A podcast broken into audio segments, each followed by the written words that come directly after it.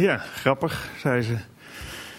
Analoge kaas. Dus zo zie je een uh, paar dingetjes die je even zo laat zien. Die gaan over voeding. Die bij ons gewoon uh, ja, dagelijks op tafel staat en waar we ons mee voeden. En ja, soms heb je geen idee wat er allemaal in zit. Je zou kunnen zeggen, maar goed ook. Maar ja, aan de andere kant is het ook wel belangrijk om bewust te zijn van wat eten we nou eigenlijk? Wat krijgen we binnen? Want het heeft wel consequenties. Nou, daar willen we eigenlijk in deze serie naar gaan kijken. Niet alleen voeding, ook andere dingen. Deze serie licht verteerbaar, gezonde voeding voor geest, ziel en lichaam. Die gaat eigenlijk over drie verschillende onderdelen zou je kunnen zeggen. Vandaag staan we stil bij voeding, datgene wat wij tot ons nemen via onze mond. Volgende week gaan we kijken naar datgene wat we tot ons nemen via wat we zien en wat we horen. En de laatste keer wat we tot ons krijgen of tot ons nemen via onze geest. Dus het onstoffelijke, de dingen die we niet kunnen zien en horen en proeven, maar die er wel degelijk zijn. En het zijn thema's natuurlijk die ons allemaal aangaan. Ik denk dat we voordat we hier naartoe kwamen vanmorgen vrijwel allemaal wel gegeten hebben, wat gedronken hebben. Dus wij voeden ons allemaal en dat is uh, ja, heel belangrijk natuurlijk ook, want dat hebben we nodig. Nou, deze keer kijken we daarnaar. Ik laat het me lekker smaken, is de titel van deze eerste keer. En uh, gaan we nadenken over die dingen die we eten en drinken. En wat ik al zei, we doen het allemaal. Dat is ook nodig, want anders houden we de machine niet op gang. Uh, we hebben water en mineralen en eiwitten en koolhydraten, vet en vitamines nodig. En zuurstof natuurlijk daarbij.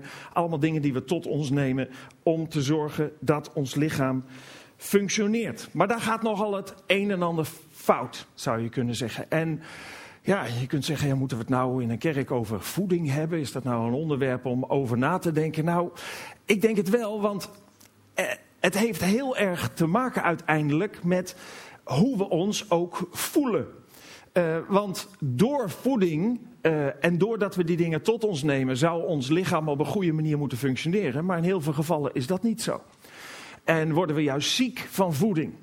En voelen we ons lamlendig van voeding? Of zijn we uitgeteld? Of ja, doet het dingen met ons lichaam die niet goed zijn? En ja, dat is eigenlijk niet zoals God het bedoeld heeft. En ik heb wel eens vaker gezegd, als je in de Bijbel kijkt, dan is er geen onderwerp die het leven aangaat, uh, waarover in de Bijbel niet wat geschreven staat. En dat is logisch, want God is niet een God van afstand die alleen maar het heeft over, over schimmige, uh, onduidelijk en niet te duiden onderwerpen. Nee, de Bijbel is juist heel erg direct en heel erg gericht op ons welzijn. God wil dat we gelukkig zijn en daar hoort een relatie met Hem bij, maar vanuit die relatie wil Hij ons heel veel geven, richtlijnen voor het leven, die ons helpen om ook daadwerkelijk gelukkig te zijn. Ook in het hier en nu, ook in ons dagelijks functioneren. Het is niet alleen maar op grote afstand of het is niet alleen maar gericht op het leven na dit leven, maar ook op het leven hier en nu. Er zijn heel wat landen waar, uh, waar problemen ontstaan omdat er veel te weinig voeding is. En die beelden kennen we ook allemaal wel. Waar geen voeding is, waar ondervoeding is, waar mensen uh, doodgaan, waar kinderen overlijden omdat er geen voeding is.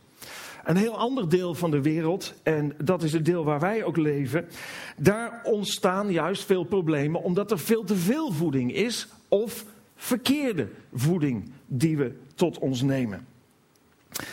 In Nederland is het zo dat uh, gemiddeld uh, in Nederland 45% van de mannen en 35% van de vrouwen overgewicht heeft. En dat neemt steeds verder toe. Um, in 10% van de gevallen is het ernstig overgewicht, obesitas zoals ze dat dan noemen. En daar hebben we echt heel erg last van. Uh, bij kinderen groeit het heel sterk. Kinderen, 13% van de jongens, 14% van de meisjes in Nederland die al waar sprake is van overgewicht. En dan ben je al een stukje voorbij wat gezond is. En het percentage volwassenen wat met dit soort problemen te kampen krijgt, gaat alleen nog maar verder groeien als we kijken hoe de ontwikkelingen bij de kinderen zijn op dit moment. Wereldwijd doen we het nog niet zo heel slecht, zou je kunnen zeggen. Zeker als het gaat om ernstig overgewicht. 10% van de mensen van de volwassenen waar dat voor geldt. Terwijl er landen zijn zoals nou, Amerika met stip op één. Ehm, wat was het thema van vrijdagavond ook weer? Amerika. Ehm, met stip op één als het gaat om deze problematiek. Maar ehm, we kunnen dan daarin nog vrij laag zijn, maar het is wel ook sterk groeiend.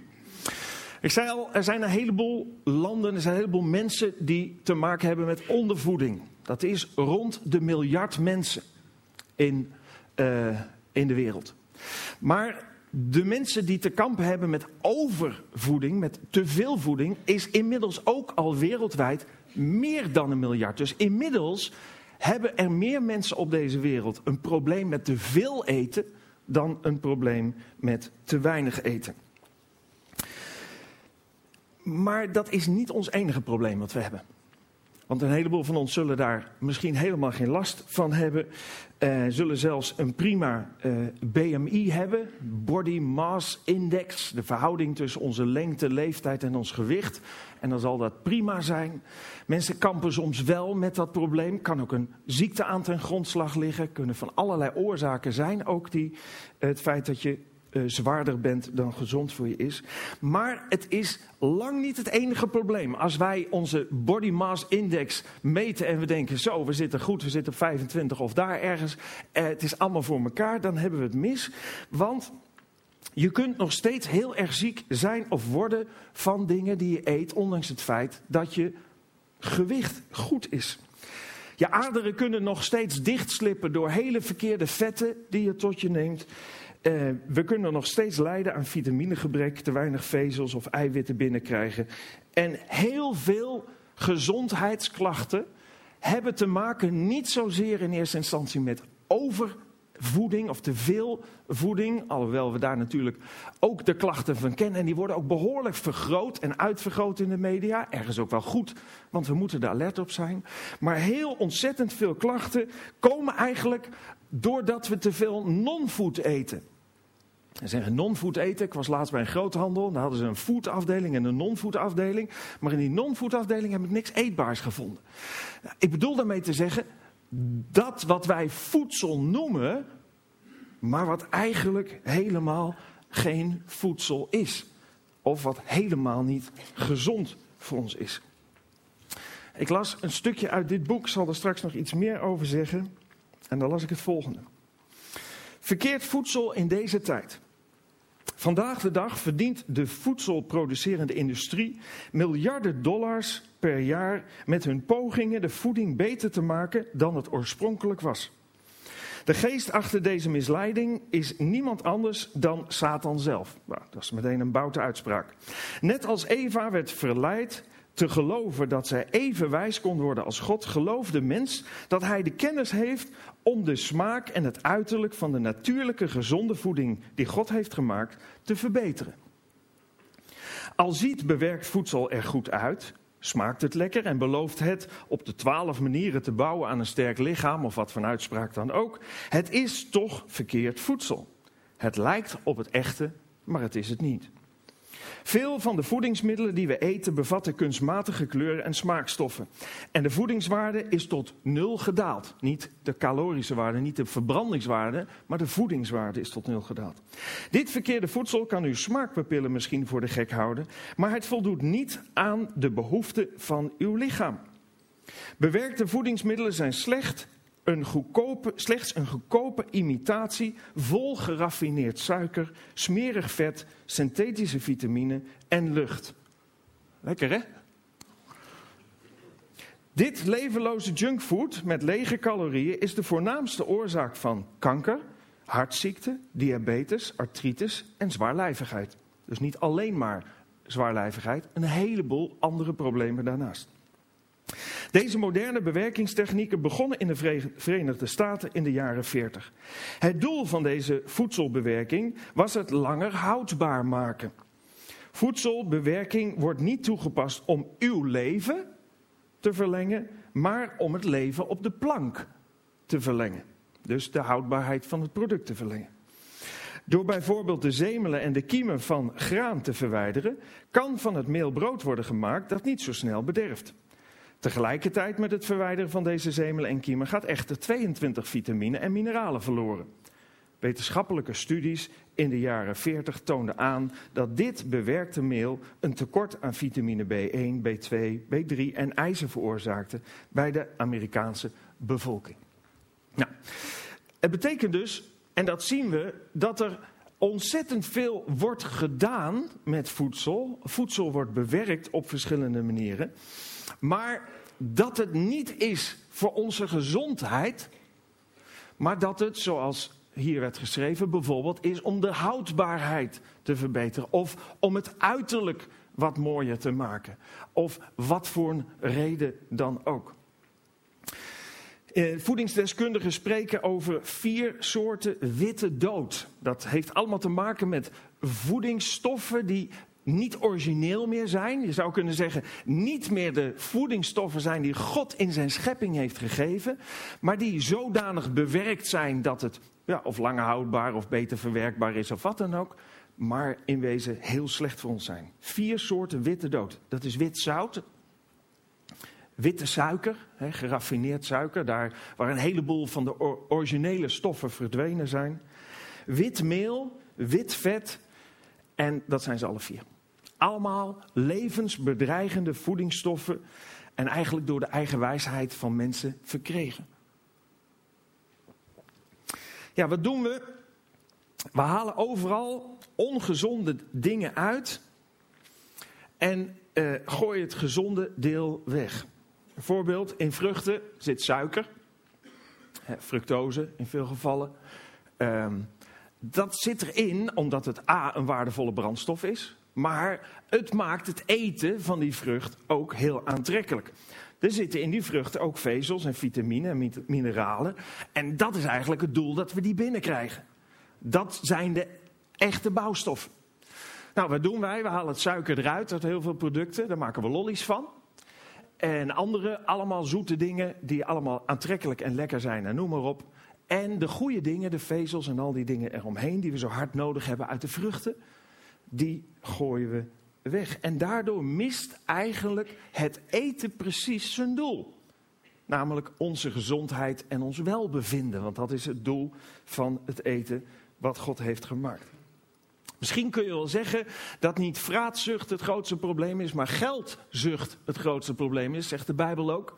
Geld is de wortel van alle kwaad en dat zie je hier ook. Geldzucht niet van ons mens als consument, maar geldzucht in heel veel gevallen van de voedingsmiddelenindustrie. Niet over het algemeen, er zijn hele goede bij die echt proberen een goed product te maken en echt onze gezondheid op het oog hebben. Maar we weten wat commercie doet, we weten wat geld doet. En we zien dan ook wat die meneer ook zei over die transvetten. Ehm, ja, het is een goedkoop product, het werkt makkelijk en daarom wordt het toegepast, ondanks het feit dat het voor ons heel, heel, heel slecht is. En steeds opnieuw speelt de voedingsmiddelenindustrie er ook op in, op onze soms bewustwording van wat niet goed is en wel goed is. Neem bijvoorbeeld suiker. Uh, we worden ons steeds iets meer bewust dat, uh, dat producten waar veel suiker in zit, dat dat niet goed is. Dus uh, met dat bewustwording willen wij eigenlijk producten hebben waar het niet in zit. En gaan wij suikervrije producten kopen. Nou, hoeveel producten zie je dat tegenwoordig niet opstaan? Allemaal dit is light en dat is light en zus is light. En als je naar de calorische waarde kijkt, dan is dat ook lager. Maar de zoetstofvervanger die erin zit, in veel gevallen aspartaam, is veel slechter dan suiker. Voor ons. Er zijn een hoop studies naar gedaan en er is natuurlijk een heleboel oneenigheid over. Dat is ook logisch, want het wordt heel veel toegepast. Maar kijk maar op heel veel light of suikervrije dingen, wat er aan zoetstofvervanger in zit. Ik keek net nog op een blikje in een, uh, daarachter, wat was dat, een soort uh, van, oh ja, Red Bull-achtig spul. Nou, ook, stond ook light op, maar er zat een hoop aspartaam in. En dat zijn eigenlijk lichaamsvreemde stoffen. Suiker kunnen we wel verwerken, kunnen verbranden en is goed als we dat met mate binnenkrijgen. Maar dit zijn stoffen die het wel zoet maken, maar hartstikke slecht voor ons zijn. We weten ook, en dat zijn we ons ook al een tijdje bewust, dat dierlijke vetten ook niet zo heel erg goed zijn. En met dat die bewustwording ontstaat, springt de industrie erop in en zegt dan: dit product is bereid met plantaardige olie. Nou, dan denk ik van, dat moeten we hebben. Want die dierlijke vetten, dat is een hoog cholesterolgehalte en slippen onze aderen dicht en zo. En dat is niet goed. We gaan nu, we moeten dan bereid is het met, met, met plantaardige olie. Ja, maar die plantaardige olie hebben ze wel eerst even zo bewerkt dat het een transvet is geworden. En dat is een bewerking die ze doen om het vast te maken. Want ja, als je koekjes bakt met olie, dan krijg je van die natte koekjes. En dat kan wel gezond zijn, maar dat is niet zo aantrekkelijk om te zien. En um, het is lekker goedkoop om met die plantaardige olie te werken als je dat dik maakt. Maar het is heel slecht. En ik weet zeker dat je thuis allemaal heel veel pakjes hebt staan waarop staan of transvet. Of het kan ook uh, gehard vet worden genoemd. Er is nog een, nog een benaming voor. Het is ontzettend veel slechter dan welk dierlijk vet ook. Want het brengt namelijk het cholesterol uh, omhoog uiteindelijk, want het werkt de positieve oliën tegen en de negatieve versterkt het alleen maar. Dus het is belangrijk om alert te zijn en te kijken wat neem je eigenlijk tot je. En misschien te kijken van, moet je niet zoveel mogelijk en zo dicht mogelijk bij het natuurlijke blijven. Nou, ik zou eigenlijk wel een soort van dieet willen introduceren. Het is eigenlijk geen dieet, maar dat heet wel zo. Een boekje wat geschreven is, waar ik net ook een stukje uit las. En dat heet het Genesis-dieet. En dat Genesis-dieet, een dieet doet een beetje denken aan, nou, we moeten afvallen en dat soort dingen. Maar dan weten we ook allemaal dat diëten heel slecht werken. Want het, heb je dat yo-yo-effect. Je bent elke keer zo van weer zo van erbij en eraf en erbij en eraf. Dus iedereen weet ook dat het gaat om continuïteit en gezonde voeding tot je nemen. Of de schijf van vijf of wat dan ook. Dat is het belangrijkste. Dit Genesis-dieet vertelt iets over datgene wat God eigenlijk voor ons op ons uh, boodschappenlijstje heeft gezet. Vroeger hoeven ze geen boodschappen te doen, plukte je het gewoon, maar nu doen we dat allemaal een beetje anders. Maar God heeft eigenlijk ons aangereikt wat goed voor ons is en wat niet goed voor ons is. En het is logisch dat niemand anders dat beter weet dan God, want Hij heeft ons gemaakt. En dat niet alleen, maar Hij heeft ook het voedsel gemaakt wat voor ons het meest geschikt is. We lezen vrij in het begin van de Bijbel, in het eerste hoofdstuk zelfs, in Genesis 1, daar staat: En God zei: Zie, ik geef u al het zaaddragende gewas dat op heel de aarde is, en alle bomen waaraan zaaddragende boomvruchten zijn, dat zal u tot voedsel dienen. Dat was eigenlijk het eerste wat God doorgaf als zijnde de voed, het voedsel voor de mens. Nou, waar hebben we het dan over? Dan hebben we het over granen, over bonen, over pulvruchten. En pinda's horen daar ook bij, dat is ook een pulvrucht. Dan hebben we het over noten. Bijvoorbeeld een amandel, de koning van de noten wordt hij genoemd, omdat er veel calcium, veel goede, en, uh, goede stoffen in zitten. We hebben het over zaden, aardappelen en groenten, vruchten en kruiden en specerijen. Dat is het eerste eigenlijk wat God aanreikt. En waarbij hij eigenlijk zegt, hoe puurder je het neemt, hoe dichter je daadwerkelijk zit bij datgene Um, of eh, bij die manier waarop het in de schepping naar voren komt, hoe gezonder het is. Haal er geen dingen uit of dingen af, ja wel de schil en zo, maar niet, niet andere dingen eruit, um, want dat heb ik juist gegeven als totaalplaatje. Nou, in een later stadium zijn daar nog soorten vlees, gevogelte en vis aan toegevoegd, met daarbij de nodige waarschuwingen dus als we aan de barbecue gaan bij mooi weer en zo, dan zouden we nog eens even kunnen kijken. Wat heeft de Bijbel nou daarover gezegd? Wat heeft God aangereikt over deze dingen die ons tot voeding dienen en wat niet? In de Bijbel lezen we in Deuteronomium: U mag niets eten wat een gruwel is. Nou, wat bedoelt daar de Bijbel mee te zeggen? Er zijn een aantal dingen die heeft God niet bedoeld voor ons om te eten dat leeft wel en dat loopt wel rond en je kunt het wel eten, maar dat geldt voor een heleboel dingen die niet goed voor je zijn. Maar het is er niet voor gemaakt. Dit zijn de dieren die u eten mag: het rund, het schaap, de geit, het hert, de gezelle, de reebok, de steenbok, de spiesbok. Wat het was, wat het is, weet ik niet. De antilopen en de gems. Alle dieren die gespleten hoeven hebben, waarvan de hoef in tweeën gespleten is. En die bovendien bij de dieren horen die herkauwen, mag u eten. Maar de volgende, die alleen herkauwen of die alleen gespleten hoeven hebben, mag u niet eten. Het kameel, zal niet zoveel eh, bij de barbecue liggen, denk ik. De haas en de klipdas. Zij herkauwen immers wel, maar hebben geen gespleten hoeven. Zij zijn voor u onrein. Zo ook het varken, want dat heeft wel gespleten hoeven, maar het herkauwt niet. Het is voor u onrein. Van hun vlees mag u niet eten en hun kadavers mag u niet aanraken. Dit is niet maar zo even random dat God zegt: Nou, laat er eens een paar nemen die je wel mag en een paar die je niet mag. God heeft de totale dierenwereld met een doel geschapen. Er zijn een heleboel dieren die wij niet mogen eten, maar die wel een doel hebben. Dus de enige dieren die God aanbeveelt te eten zijn planteneters, zogenaamde herbivoren. Um, wat verboden dieren zijn, zijn de dieren die zowel planten, maar ook um, dierlijk voedsel, vlees uh, eten, de zogenaamde omnivoren. En deze dieren die dat doen, hebben wel een functie, maar zijn niet geschikt voor consumptie. Nou, de grootste consumptie van vlees in de wereld is varkensvlees. En daarvan zegt de Bijbel nou juist, dat is niet verstandig. Kijk, als je hem zo ziet, helpt dat misschien ook een beetje. Ik, ik las een lijstje op internet. Ik wil, ik, het was te lang om voor te lezen. Maar als ik dat echt voorlees, dan wil je echt geen varkensvlees meer. Als je, als je leest wat daarin zit. Wie het wil hebben, kan ik het mailen. Het is echt te gross. Varkens zijn dragers van zo'n 200 ziekten. Althans, overdragers daarvan. 18 verschillende parasieten en wormen.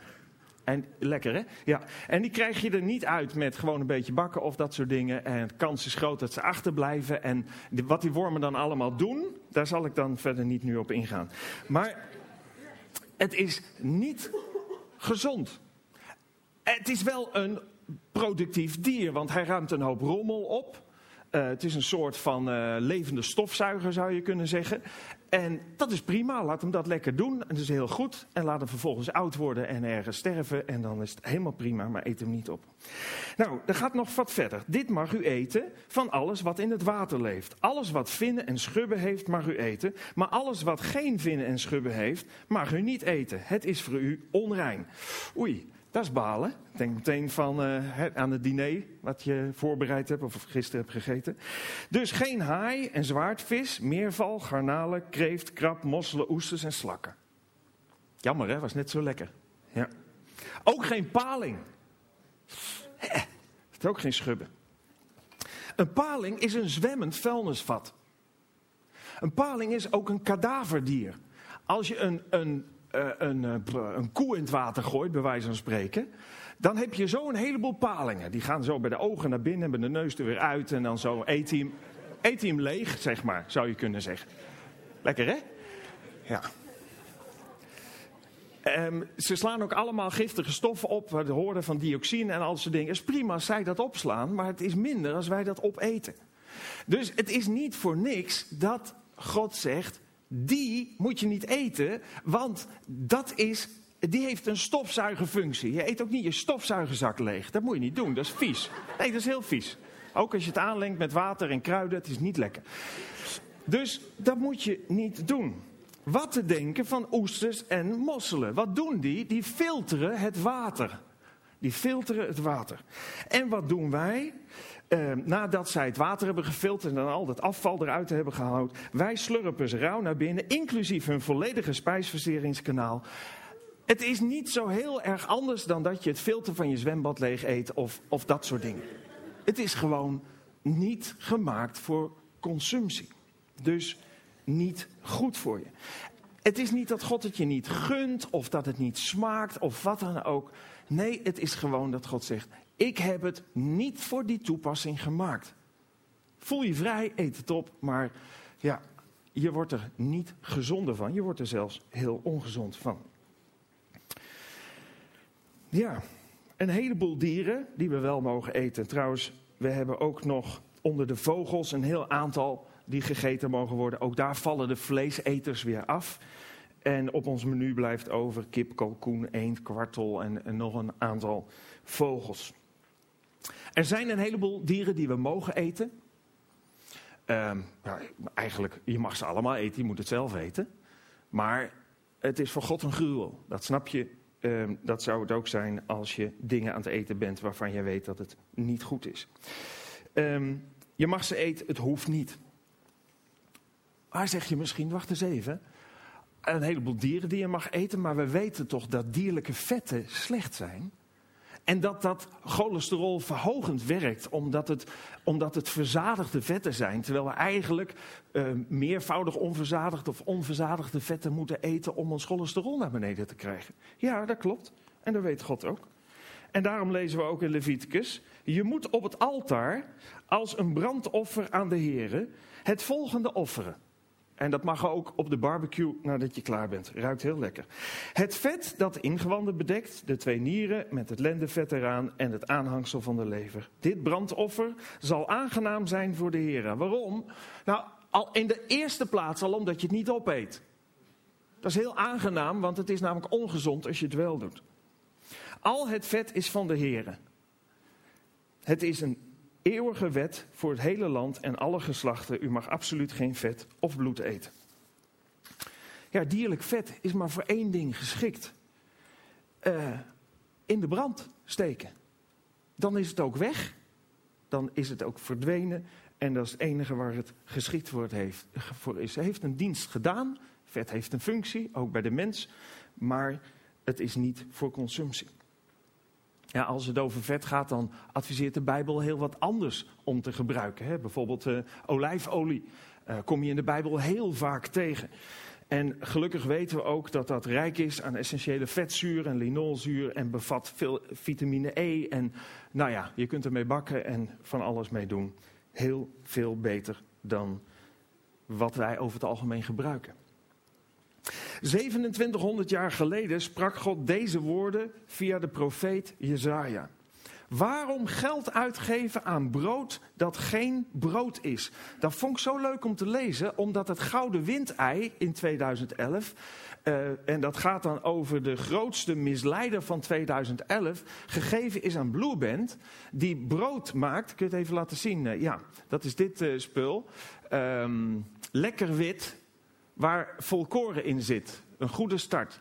Uh, waar gewoon van blijkt dat het helemaal niet gezond is. Dat alle gezonde delen eruit zijn. En dat het gewoon een misleidende reclame is.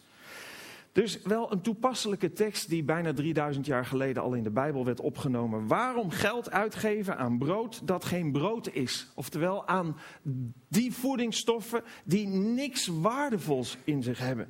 Waarom moeite doen voor iets dat niet bevredigen kan? Schenk aandacht aan mijn woorden. Eet wat voedzaam is. Geniet ervan met volle teugen.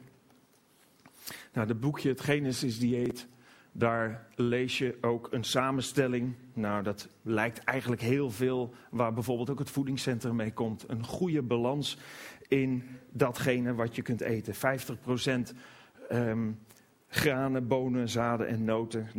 30% aardappelen en groenten. 10% fruit. 6% zuivel en 4% vlees, vis en gevogelte. Ja, één vraag, dat, dat, daar wil ik bijna mee afsluiten. Eén vraag zou in je op kunnen komen, bij sommigen misschien van ons. Als ik het heb over die, die, die, dat, dat vlees en dat eten, met name varken en, en, en die vissen zonder schubben en dat soort dingen. Dan zijn er soms mensen die zeggen, ja maar we leven toch niet meer onder die wet. Die wet is toch eigenlijk niet meer van deze tijd, want we leven in de tijd van het Nieuwe Testament. We leven in de tijd na de komst van de Heer Jezus, na zijn lijden en sterven.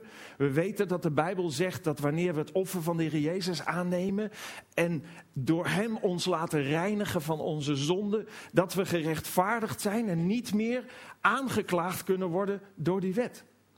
En dat klopt, dat is ook zo. Maar dat neemt niet weg dat de inhoud van de wet, en dat kunnen we denk ik heel goed begrijpen, zeker die inhoud die gericht is, en dat grootste gedeelte, op ons welzijn, dat dat natuurlijk niet is komen te vervallen. Kijk, we snappen allemaal dat die tien geboden bijvoorbeeld nog steeds gelden. Daar is niks aan veranderd. Het is nog steeds niet, het is nog steeds niet toegestaan om afgodenbeelden te maken. Uh, we hebben nog, nog steeds de uh, de opdracht om God eer te geven vanwege het feit dat Hij de schepper is van hemel en aarde en de enige God is. We mogen nog steeds niet met de buurvrouw naar bed en jaloers worden en stelen en liegen en noem allemaal maar op. Die wetten zijn er allemaal. Eigenlijk zou je kunnen zeggen, er zijn maar een paar wetten die echt zijn afgeschaft. En dat zijn de offerwetten. vroeger brachten mensen een offer om hun zonde, maar je zou bijna kunnen zeggen af te kopen, maar te bedekken. Maar dat was een tijdelijke oplossing. In Hebreeën staat: het bloed van stieren en bokken kan de zonde niet wegnemen. Gelukkig kwam daarvoor de Heer Jezus Christus, die de zonde wel van ons kon wegnemen. Maar al die wetten die gaan over onze gezondheid, over een goed moraal, over liefde en al dat soort dingen. Ja, die zijn natuurlijk onverkort van kracht. Die zijn ons gegeven met het doel om God te eren, om gelukkig te zijn, om gezond te zijn, om liefdevol te zijn, om uit te reiken naar elkaar, om zorg te hebben voor elkaar. Dus de overtreding van die wet kan ons niet meer aanklagen, omdat we rechtvaardig zijn geworden door de Heer Jezus Christus. Maar de wet is nog net zo goed het verlangen van Gods hart voor ons mensen. In Deuteronomium 4, vers 40 staat: Leef daarom steeds zijn wetten en geboden na, die ik jullie vandaag opleg. Dan zullen jullie en je kinderen het goed hebben. Dan zul je een lang leven leiden in het land dat de Heer, je God, jullie wil geven. En dat is het verlangen wat God voor ons allemaal heeft. God heeft ons geluk, ons leven op het oog. Hij wil dat we ons goed voelen. Hij wil dat we gezond zijn. En daarom doet hij ook een beroep op ons om niet maar zo klakkeloos alles tot ons te nemen, maar er daadwerkelijk over na te willen denken en te zeggen: is dit goed voor me? En is dit tot eer van God? Er zijn mensen die zeggen, ja, mijn, mijn lichaam is een tempel van de Heilige Geest en ik eet een hoop, want ik wil graag dat de Geest ruim woont. Het wordt niet ruimer, de muren worden alleen dikker. Het is belangrijk om erover na te denken, omdat het niet maar zo wordt aangereikt in de Bijbel, maar God ons daarmee op het oog heeft. We gaan bidden, danken. Dank u wel, Heere God, dat u ja, ook nu nog steeds vanuit dat hele oude boek, vanuit het Oude Testament, vanuit delen die duizenden jaren geleden zijn geschreven, nog steeds dingen aan ons doorgeeft, omdat u van ons houdt. Omdat u zo graag wilt dat we gelukkig zijn, omdat u zo graag wil dat we ons goed voelen. Omdat u zo graag wilt dat we goed functioneren. Heer, en dank u wel dat ook door voeding heen uw liefde zo zichtbaar wordt in ons leven. Dank u wel, Heer, dat u ook op die manier zich uitstrekt naar ons vanuit uw liefde. En dank u wel, Heer, dat, dat deze wet geen bedreiging voor ons is. We hoeven het niet uit angst te doen. Heer, we mogen weten dat als wij het offer van uw Zoon, de Heer Jezus Christus, in ons leven hebben aanvaard en u willen navolgen, dat we, dat we vrijgezet zijn. En dat we perspectief hebben tot over de grens van de dood heen. In het leven zoals u het zult maken, zoals u het heeft bedoeld. Heer, maar we mogen vanuit die positie in uw Zoon, de Heer Jezus Christus, uit liefde voor u, maar ook voor ons eigen welzijn. Die richting volgen die u ons geeft. Heer, wilt u ons helpen om dat te begrijpen, om dat tot ons te nemen. En om op die manier ook met ons lichaam en met ons eetpatroon u te eren. Dank u wel, Heer God, dat u ons zo zegenen wil, ook vandaag. Dat dank u voor in Jezus' naam. Amen.